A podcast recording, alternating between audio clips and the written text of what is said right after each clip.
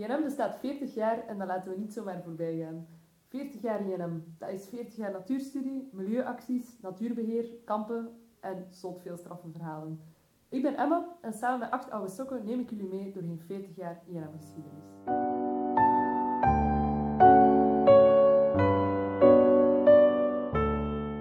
Ik zit hier aan tafel met Laura en Wiepke. Laura en Wiepke uh, hebben allebei in INM gezeten en waren vooral actief in de milieuwerkgroep, uh, die ook al enkele jaren bestaat. Laura, ik ga bij jou beginnen. Jij was uh, actief in de beginjaren 2000, vooral actief uh, nationaal niveau.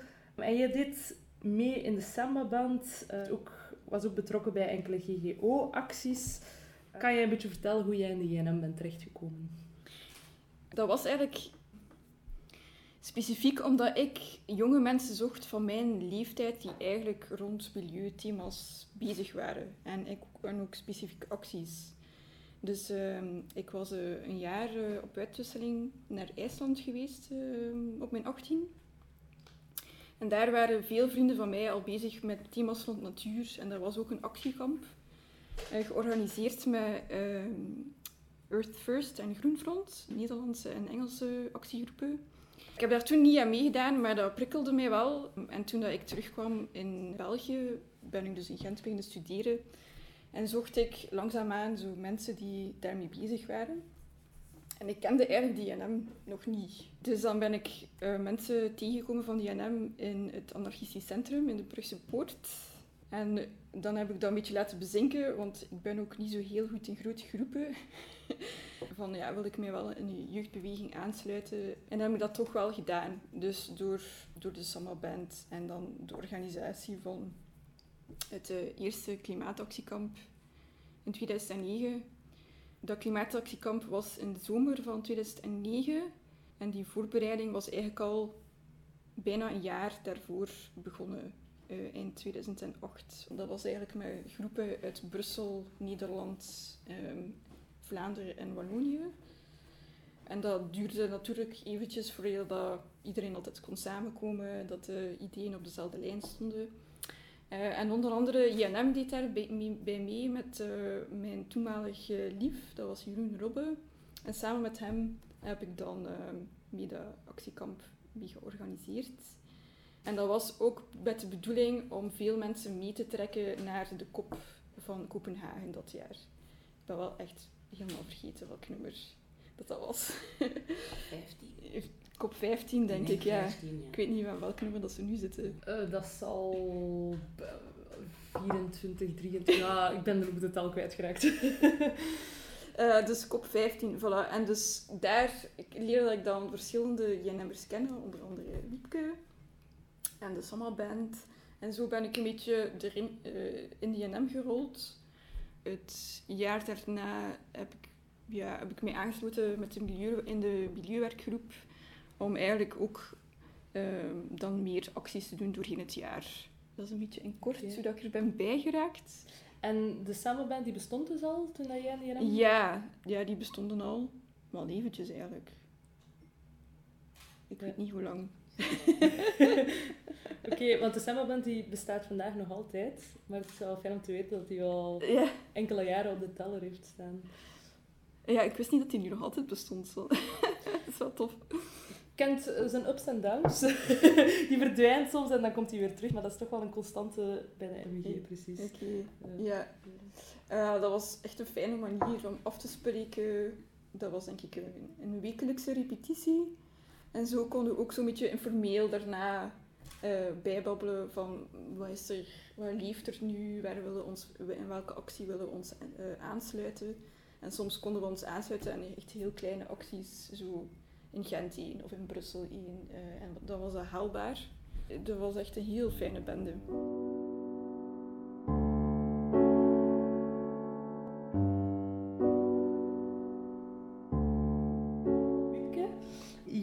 Was ook actief in JNM in de begin jaren 2000 ongeveer. Um, zat ook al in JNM sinds jouw zeven jaar actief geweest uh, in de milieuwerkgroep. En jij kwam van afdeling Hagelandse Zuiderkampen, of afgekort HZ. Ook veel milieukampen georganiseerd, uh, waarvan ook het beruchte opstandig Okselhaarskamp. Wiepke, hoe ben jij bij de INM terechtgekomen? Mijn verhaal is een heel stuk korter dan dat van Laura. Mijn ouders hebben elkaar leren kennen in de INM. En uh, die hebben beslist dat hun kinderen vanaf de leeftijd dat dat ging, naar de INM gingen. Dus ik zat in de INM. Zalig. Weinig keuze ingehaald. Leden, leden maken leden. Ja, letterlijk. Oké. En vanaf dat je um, een engagement kon opnemen als, als lid, dan ben je direct in de milieuwerkgroep terechtgekomen? Ik was milieuverantwoordelijke. We, waren, we waren niet zo'n grote afdeling op dat moment. Of er waren weinig mensen met dezelfde leeftijd. Dus wij hadden geen groot bestuur bij HZ, wat dat betekent dat iedereen vijf functies had of zo. Um, en één van die van mij was uh, milieuverantwoordelijke. En dan van, daarin ben ik eigenlijk een beetje beginnen zoeken. In, maar ik denk ook, mijn ouders pakten mij ook al mee naar betogingen en zo. Dus, en dan was dat iets dat we dan ook met de afdeling met de INM deden. En dan op die betogingen in Brussel en zo de mensen van Nationale, van de Milieuwerkgroep leren kennen. En dan ja, uiteindelijk zoiets gaat. Ja, het is wel interessant om, om daar iets groter mee bezig te zijn en daar ook bij betrokken te zijn. Dus ja, Jullie waren dus allebei in die periode actief bij de, bij de milieuwerkgroep. Wat waren zo de thema's die toen vooral speelden? Waar jullie acties rond deden? Klimaatactiekamp zijn we echt lang mee bezig geweest. Je vermeldde er straks de GGO's ook. Ja, dat was dan twee jaar later wel. Dat was uh, met de actie rond uh, het patattenveld, dus uh, de patattenslag in Wetteren. Maar dat was denk ik ik weet, die actie zelf, weet ik niet goed of dat officieel INM daar echt aan deelnam. Ik weet dat eigenlijk niet dat zo goed. Dat is een gedoe geweest. Ja, dat was een gedoe geweest omdat dus, het dan zo... Ja, ja, ik denk initieel ja. wel. En dan hebben die zich daar zo uit teruggetrokken met dat dat, met dat, dat een gedoe aan het worden was. Uh, maar ik weet nog, wat ik dan zelf heb georganiseerd voor JNM, was eigenlijk uh, een soort uh, boerenmarkt aan het gerechtshof. Nee, wacht even, was dat de Kouter? om eigenlijk de mensen die in de rechtszaak zaten, dus de jaren daarna, was er dus een rechtszaak van de mensen die waren uh, gearresteerd die dag. Die sleepte heel lang aan en om die eigenlijk te steunen hebben we dan eigenlijk zo'n aantal kleine acties georganiseerd. Lezingen rond duurzame landbouw, een boerenmarkt, een duurzame landbouwwerkgroep uh, opgericht rond dat thema, samen met Lies Koekuit dat was allemaal een beetje rond dezelfde periode. Dus toen leefde echt dat thema. Dat was eigenlijk zo een aftakking van de MWG bijna. Eigenlijk zo de duurzame landbouwwerkgroep. Ik weet niet wat die daarna nog heeft verder bestaan. er zijn meerdere jaren duurzame landbouwkampen georganiseerd. Ja. Maar nu om te zeggen dat het echt een werkgroep is die vandaag nog bestaat, dat, dat zeker niet. Maar dat is wel lang een, een ja, hot topic geweest in INM. Dat wel. Ja, wel, uh, ik heb er een paar mee georganiseerd, samen met Lies. dus het thema GGO's liefde ook wel echt binnen de MWG. Ja. ja. we hebben gehoord dat daar inderdaad wel wat, wat gedoe rond was. rond heel die historie met, de, met dat patattenveld. En dat INM ook werd aangeklaagd of werd beschuldigd van het beschadigen van of zo. En dat het dan toch niet bleek te kloppen we weten ook niet 100% wat het verhaal was, maar we weten wel dat je hem daar eventjes in turbulente water, ja, wilde water heeft moeten varen. Dat, dat is een gedoe geweest. En ik denk, want ja, er waren nogal wat mensen binnen JNM daar niet zo goed gezind op. Omdat ook al de jaren daarvoor, er is nogal wat doorstroom geweest van de JNM naar de bezetting van het Lappersfort en zo. En mhm. dus JNM werd daar ook wel aan gelinkt op een manier of in sommige bronnen of, of ideeën. Ja, en niet iedereen in de JNM vond dat grappig, dat JNM geassocieerd werd met, met zo'n radicale ideeën, zeker vonden zij dan. Want er is ook nog, ik weet in de tijd dat ik in de milieuwerkgroep zat, stond INM effectief op de lijst van staatsveiligheid van potentieel terroristische organisaties, omdat er vanuit de INM redelijk wat milieuactivisten dan internationaal actief werden. Zal dat nu nog altijd zo zijn? Ik, uh, ik weet niet, eigenlijk niet of dat, dat, of dat JNM daar ooit is afgehaald. Ik weet dat eigenlijk niet, want ik weet ook, er heeft ooit, maar dat was, dat was wel de generatie voor mij, of zelfs twee generaties voor mij. Er heeft op een gegeven moment in de milieuwerkgroep heeft een infiltrant van staatsveiligheid gezeten, effectief. Dus die heeft de JNM geïnfiltreerd en die zat mee in de milieuwerkgroep. En die persoon zelf had op een gegeven moment blijkbaar zoiets van, joh, dat is hier gewoon een jeugdbeweging en oké, die doen soms mee aan een betoging en zo, maar het is niet... Hè, en die heeft toen, die is zelf naar buiten gekomen, die was bevriend geworden met wat mensen in de milieuwerkgroep. En die heeft zelf gezegd, kijk, eigenlijk zit ik hier helemaal niet met eerlijke intenties. En ik ga, ik ga daarmee ophouden. En van, jullie, gaan mij, jullie zien mij ook niet meer terug dan. Maar dat was dan wel zo een ding dat dat dus wel gebeurd nee. was. En dat staatsveiligheid dus blijkbaar wel echt heel geïnteresseerd was in wat dat er allemaal gedaan werd in de milieuwerkgroep toen. Oh, dat klinkt gelijk een film. Dat is eigenlijk Ja. grappig dat we zo belangrijk genoeg zijn geweest dat er een, Zot, hè? een spion uit de staatsveiligheid... Wauw. Amai. En hadden jullie dat, dat door? Hadden jullie al zoiets van, hm, die is wel verdacht? Of kwamen jullie uit de... Ik zat, Lucht toen, vallen. ik zat toen nog niet in de, in de milieuwerkgroep, maar ik weet, ik heb nog met mensen in de milieuwerkgroep gezeten die dat daar wel in gezeten hadden met die persoon. En die waren nog altijd ja, nieuwe mensen dat erbij kwamen en zo. Dat was altijd een beetje ja, uitzoeken van waar iemand kwam en, Ja, en waarom dat die bij de milieuwerkgroep kwam. En want ja, er was natuurlijk wat achterdocht dat dat opnieuw kon Tuurlijk. gebeuren. Maar ik weet, zij toen hebben eigenlijk niks gemerkt. Moest die, moest die dat niet gezegd hebben, dan zouden ze dat nooit door hebben gehad. Amai. Ik herinner mij wel die achterdocht, maar het is wel nog voor allee, dat ik Ja, ja. bij de is- MWG... Ja, het is echt zo begin 2000, zo 2000, 2001 of zo dan, denk ik. Ja, zoiets gaat geweest of net eind jaren 90. Ja. Ja, dat zal wel, dat er wel wat wantrouwen is vanaf dan.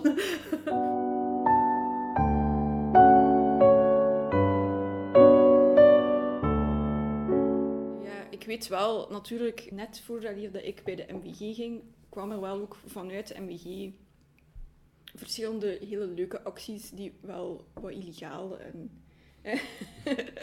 en gewoon spontaan zijn ontstaan vanuit jeugdig eh, enthousiasme, zoals eh, met de fiets de stad bezetten en zo. Denk ik dat dat ook vanuit. JNM is ontstaan, voor, toen ik nog tiener was. En ook eh, in Frankrijk autosnelwegen gaan bezetten, dat hebben ze Ja. ook nog gedaan. Dus ehm, Minder, minder vanuit de, de koppelorganisatie van JNM uit soms. Ik denk, want achteraf gezien... Nee, ik heb het nooit echt terecht gevonden dat, ze daar, dat er bepaalde mensen binnen de JNM zo over deden. Maar wat dat wel was, want we hebben wel een paar keer ook voilà, dat we op kamp een actie deden of zo. Ja, en dan, dan komt de politie toe en dan heb je wel opeens zoiets. Ja, dan hè, politiewoordvoerder of pers, spreker of weet ik veel wat. En je zet hier dan te woord aan staan en dan bedenkt je opeens, ah ja, juist. We hebben natuurlijk wel minderjarigen mee. en ja, het is niet zo grappig om die ouders te moeten bellen. Moest er hier, moest er hier toch echt wel iets misgaan. Dus ik denk ook, ik denk dat er gewoon een, een grote bezorgdheid was naar wat dat de potentiële reactie van een publiek of politie kon zijn op zo'n actie of op betrokkenheid van JNM daarbij. En waren er ook wat spanningen dan binnen JNM zelf? Van wat de milieuwerkgroep deed en of dat de rest van JNM dat dan wel oké vond of niet? Ja, jullie knikken al. Ja. Maar ja, ik denk dat ook ehm, dat er ook wel een groep INM'ers is die dan zelf meer richting ja, het studeren van gentechnologie is gegaan of zo. Hè. En zijn gaan werken voor de ILVO. Dus dat was ook een stroming. Dus die, in INM kwamen- komen die twee soms samen en dat botst.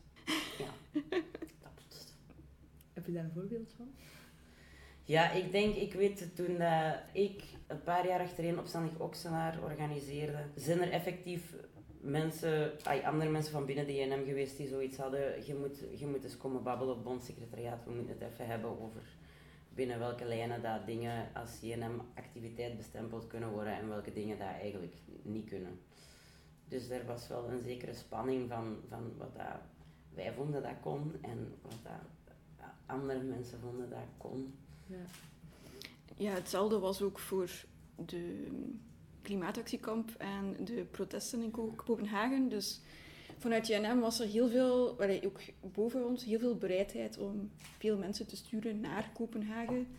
Maar dan vooral om enkel deel te nemen aan zo de mainstream ehm, vergaderingen of lezingen of zeer uh, propere betogingen.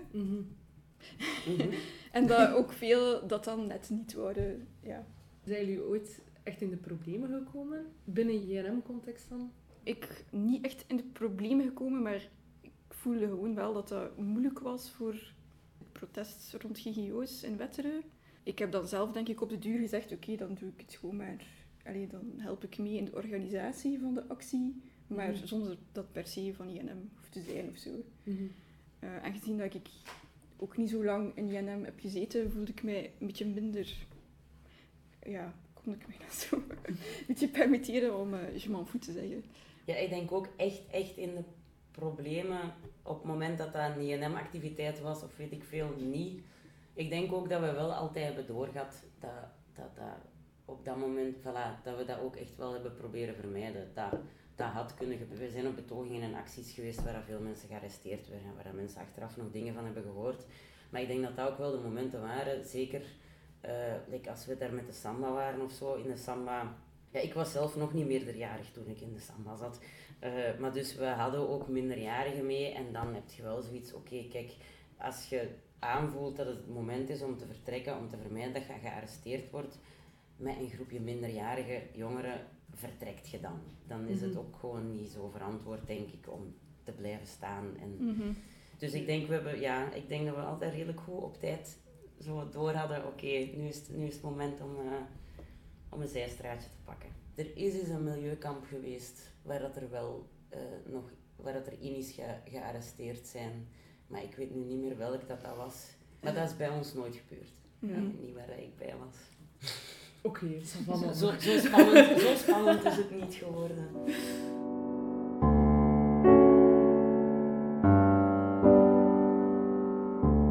De laatste jaren hebben we er wel vaak over nagedacht. Over hoe ver kunnen we daarin gaan met milieuacties en kunnen we daar INI's bij betrekken of niet. Het is toch wel een steeds terugkerend ding. Maar nu heb ik wel het gevoel dat de algemene lijn is waar iedereen achter staat. Is INI's meenemen naar een betoging, allemaal geen probleem. Maar vanaf dat het ja, dat je een bepaalde grens overgaat, dat het toch beter is om, om alleen verder te gaan en niet in, in naam van JNM. Dus je zou kunnen zeggen dat we in die zin wel wat voorzichtiger zijn geworden de laatste jaren. Oké, okay, ik had gedacht dat het andersom ging zijn. Ja? Met zo Extinction Rebellion en zo, en dat eigenlijk veel vormen van directe actie en zo, dat het toch iets meer mainstream is geworden dan dat in der tijd was. Oké, dan, voilà, gaat dat toch ook binnen JNM wat aanvaardbaarder zijn. Ja. Het hangt ook een beetje van, van context af. Want ik weet dat ik zelf uh, een aantal jaar geleden bij de bezetting van de Wetstraat, dat was een samenwerking tussen Greenpeace, Extinction Rebellion en nog vele andere organisaties. En wij waren daar met een paar JNM'ers. En ik had op dat moment een JNM-vlag vast. En het ging allemaal heel snel, zoals die dingen soms heel snel gaan. En we liepen allemaal naar de wedstrijd. En ik had die JNM-vlag vast. En ik dacht, ja, oftewel ga ik met die JNM-vlag nu naar de wedstrijd en dan zet ik mij daar met die vlag. Oftewel hou ik mij er buiten, maar ik ben wel meegegaan. En achteraf bekeken was ik heel blij dat, wij, dat er tussen al die vlaggen wel ook een JNM-vlag was. En ja, niemand heeft daar ooit moeilijk over gedaan. Dus misschien moeten we met JNM soms die stap wat meer durven nemen. Graag. Kunnen we alleen maar beamen, denk ik. Ja. Ja, het is uh, maar gewoon een verschil of dat je verantwoordelijk bent ook voor minderjarigen. Ja, uh, die dan iets verwachten van jou, zijn de veilig terug thuiskomen. Ja. en die ook nog niet allee, uh, zo gearresteerd worden als, als tiener of jongere is best wel echt pittig. Dus mm -hmm. ja. dat dat niet, niet te onderschatten valt. Dus maar zo'n actie waar je gewoon de vlag meeneemt, vind ik wel heel mooi en symbolisch. Ja. En ik denk dan zelfs, want je kunt daarin heel ver gaan, hè? als je het ten alle kosten wilt vermijden dat je gearresteerd wordt, soms beslissen je gewoon van een actie op te ruimen, ook al is er geen duidelijke aanleiding om over te gaan tot arrestaties. En in dat ding denk ik, want we zijn op een gegeven moment begonnen ook met op kamp echt heel bewust met, echt, met actietrainingen geven en zo. Die actietrainingen op zich waren dan geen probleem, maar daar kwam ook in aan bod. Wat gebeurt er? Hoe loopt dat als je gearresteerd wordt? Waar heb je recht op? Wat, kunt, wat moet je doen? Wat, ook als minderjarige, wat, wat moet je zeker vragen? Je hebt recht op een telefoontje naar je ouders het, het doen. Um, En dat lag dan toch wel heel gevoelig, dat we aan het uitleggen waren aan minderjarigen hoe dat, dat zou lopen eh, als ze gearresteerd werden.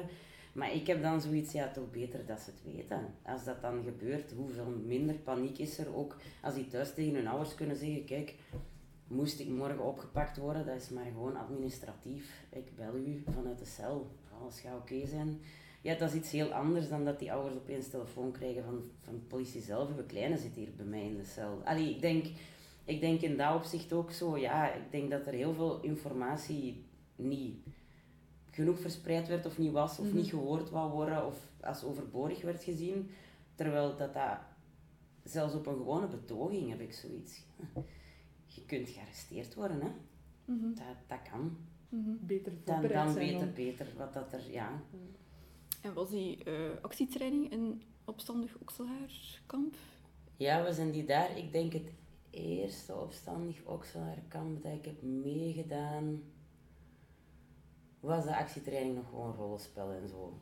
Eh, en ging daar vooral over eh, affiniteitsgroepen en zo.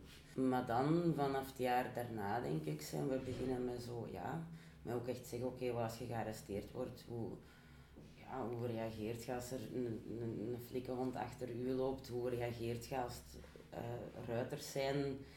Hoe schat je reacties van dat paard in en zo? Gewoon, hoe zorg je dat je veilig blijft in eender welke context? Ook al, we hadden ook niet zoiets, die gaan dat niet morgen tegenkomen. We gaan niet met het kamp iets doen allee, waardoor dat die zoiets tegenkomen, maar wel gewoon het volledig plaatje van kijk, ja, als je meedoet aan betogingen en acties, ook als je dat blijft doen, hè, als je ouder wordt, dan kan het zijn dat je in zo'n situatie komt en dan weet je nu tenminste hoe Mhm. dat, dat gaat lopen en wat dat je moet doen of wat dat je kunt doen.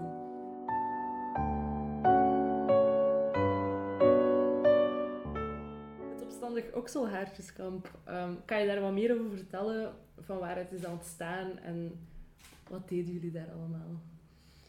Ehm, ik was niet bij het aller bij het ontstaan. Ik denk vanaf hoeveelste kamp zat ik er bij het tweede of derde, denk ik. Het derde, denk ik. Want ik ben, ik ben niet mee geweest in Okselaar zelf. Maar dan, denk het jaar daarna of het jaar daarna, wel, wat deden wij? Eigenlijk eh, was het idee, denk ik, van dat kamp. Er waren op dat moment internationaal ook wel best wat, eh, wat acties en actiekampen en, en eh, bezettingen bezig.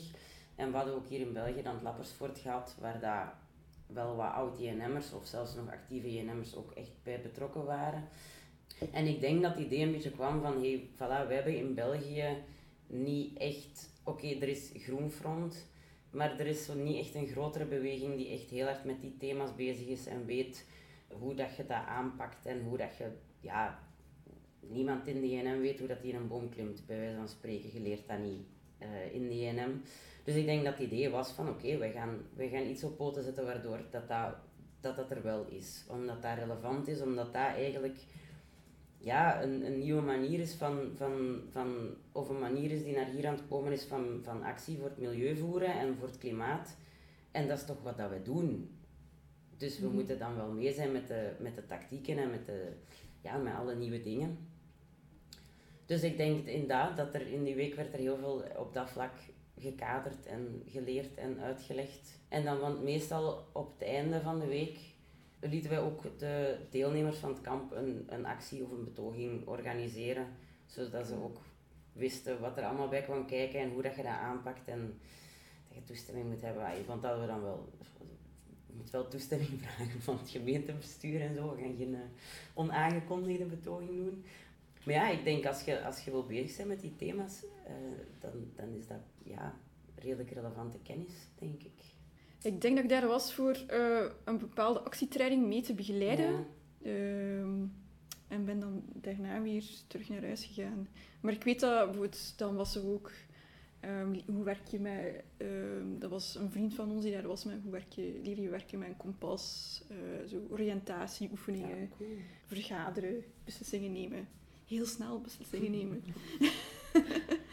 en ik, ik was daar de dag dat dan de groep was vertrokken op actie. En dan denk dat ik dan, dan vertrokken ben. Ja, want we zijn, ik denk dat we toen nog Reclaim the Streets hebben gedaan als actie.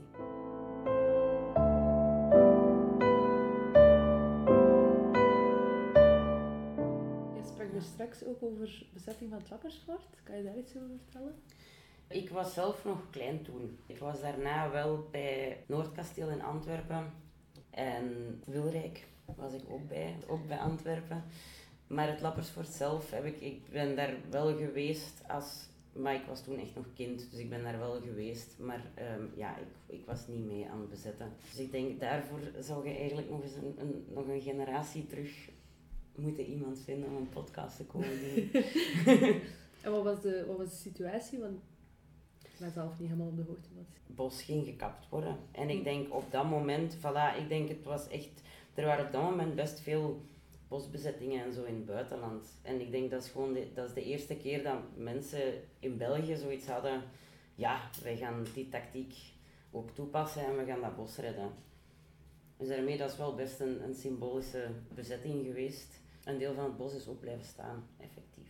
Is de, de enige keer dat dat in België gelukt is om, om effectief toch een stuk van het bos te redden met een bezetting. Bij al de rest zijn, ja, zijn ze gekapt geweest na de ontruiming. Ja, ik denk dat dat vooral het ding was. Dat, ze, dat was een nieuwe tactiek en dat was de eerste keer dat die in België werd toegepast. En dat werkte op veel plaatsen ook. Het heeft hier in Brugge ook voor een stukje gewerkt. Ik denk dat dat was dan ook een motivatie om te zeggen, oké, dat is een tactiek die werkt. Dus dat is één die we eigenlijk in de, in de milieubeweging breder moeten uitrollen en, en aan iedereen moeten aanleren. En, want dat is een, een heel directe actievorm die dat, ja, die dat werkt. Mhm. In plaats van gewoon een petitie te schrijven of zo, wat ja, ja. dat ook nog niet vaak gewerkt heeft. En nu recent, de bezetting van het Sterrenbos. Er zijn een aantal JNM'ers die het Sterrenbos aan de UGent hebben bezet. En dat is, als ik mij niet vergis, ook wel gelukt. Ja. Ah, leuk. Ja. Dat was ook bij ja. staan. Dus het heeft al meerdere keren gewerkt. Ja. Ook wel motiverend om te weten. Bij de tweede bezetting, want er zijn twee bezettingen geweest van het Lapperswoerdbos. Ja. Okay. Dus in de eerste bezetting was er nog een veel groter stuk bos aanwezig. Um, dan was er een stukje gekapt en dan bij de tweede bezetting hebben ze nog een extra stukje bezet en dat is dan blijven staan, eh, als ik me kan herinneren. En toen ben ik verschillende keren geweest en toen waren er redelijk wat daar op bezoek. En ben ik daar ook een paar keer blijven overnachten, uh, maar niet, uh, geen bezetting gedaan. Maar van daaruit leer je wel veel mensen kennen die met heel veel acties bezig zijn en dat is wel zeer inspirerend geweest. Dat zal wel. Oké.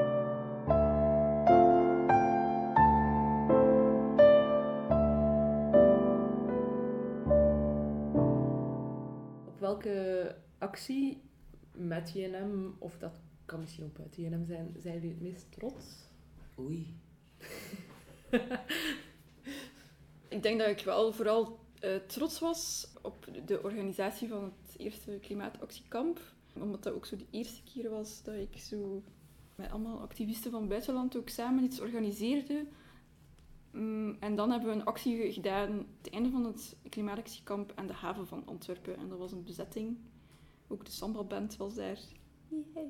En ook allemaal ehm, kleine autonome groepen die verschillende delen van het spoorweg hebben uh, geblokkeerd. En ik herinner mij dat dat gewoon een, een heel uh, fijne omgeving was. Al die mensen samen die dat kamp deden, uh, die waren echt zo voor elkaar aan het zorgen. en ook bij die actie zelf was het ook heel het af aftoetsen van hoe ver gaan we, hoe lang blijven we, kunnen we dit nog aan als groep. En daar, daarom heb ik daar dan goede herinneringen aan. Uh, er zijn ook, denk ik, geen arrestaties gevallen. Uiteindelijk niet. Nee. nee. Er waren dwangsommen, maar die hebben ze uiteindelijk ook niet doorgedrukt. Ja. Ja. Dus dat was een beetje de tactiek van lekker en een beetje irritant zijn. Zover het, zover het gaat. En daar waren ook JNM'ers bij? Ah, ja, jullie sowieso. andere JNM'ers ook. Of was dat een, een, een, samenwerking met, met andere organisaties ook? Of was dat dan enkel JNM? Niet enkel JNM. Dat was Friends of the Earth, Young Friends of the Earth, Groenfront, INM, zo van gewoon ja. zo BBL of zo, of Greenpeace. Maar Greenpeace was daar niet bij als organisatie met een vlag of zo. Niet, maar er waren wel mensen daar van, die bij Greenpeace zaten om zo raad te geven bij acties. En wilden jullie een bepaald bedrijf viseren of wat was de algemene boodschap van, van de actie? Dat waren die vervuilende, transport van vervuilende kolen. Ja, bruinkool denk ik dat Bruinkool, dat was. Ja. Ja. ja, en dat is, dan, dat is dan vrij efficiënt een dag geblokkeerd geweest. Dus we hebben toch één dag, één dag winst uit, eh, uit dat bedrijf kunnen knippen. En één dag minder vervuiling veroorzaakt.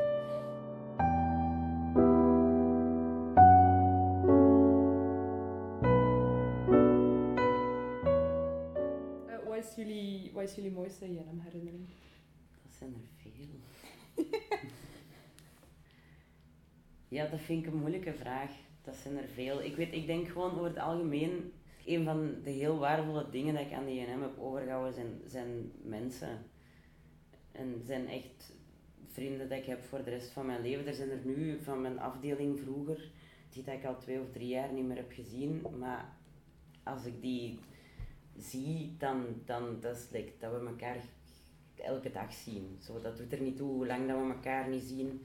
En ik denk dan ook later in, ehm, met die acties en zo, voilà, als je naar een, naar een bezetting in Frankrijk of zo gaat en je kunt met mensen gaan die je lang kent en waarmee dat je heel dat traject hebt doorlopen van, van ja, niks weten over bezettingen en milieuacties naar een van de grootste bezettingen gaan, dat, ja, je kunt die mensen vertrouwen, je kunt daarop rekenen. En, en dat is iets, denk ik, dat van het ENM voor mij heel veel waard is geweest.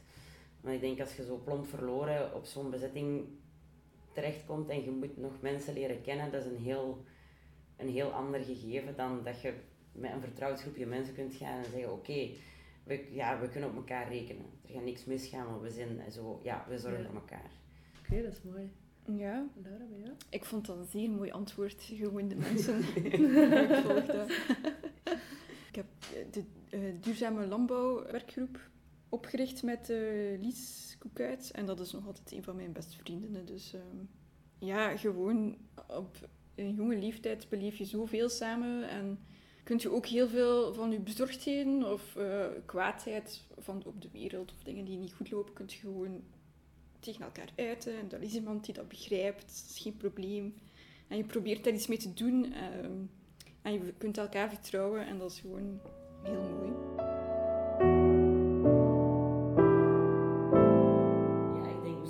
Aanvulling op daarnet, ik vind het ook heel mooi om te zien dat de, de jongeren die ik mee had op kamp, dat we dat daar ook echt aan hebben kunnen doorgeven. Ik zie een groot deel daarvan nu nog en ik zie bij hun hetzelfde. Die hebben daar mensen aan overgehouden, die, hebben, die weten waar dat ze terecht kunnen als ze zich met bepaalde dingen willen bezighouden en op welke manier dat ze dat dan best aanpakken. En, zo, en dat, is, dat is cool om zo die volgende generatie te zien en te denken, oké, dat goed gedaan. Ja, ik denk dat het gewoon hoopvol is eh, om dat te zien. En aan de JNM'ers die nu naar deze podcast aan het luisteren zijn, wat zouden jullie aan hen willen zeggen? Hang eens een bedspiraal in een boom, klim erin en slaap erin. Dat is geniaal. Go for it. Met de JNM-vlag. Ja. Met de JNM-vlag.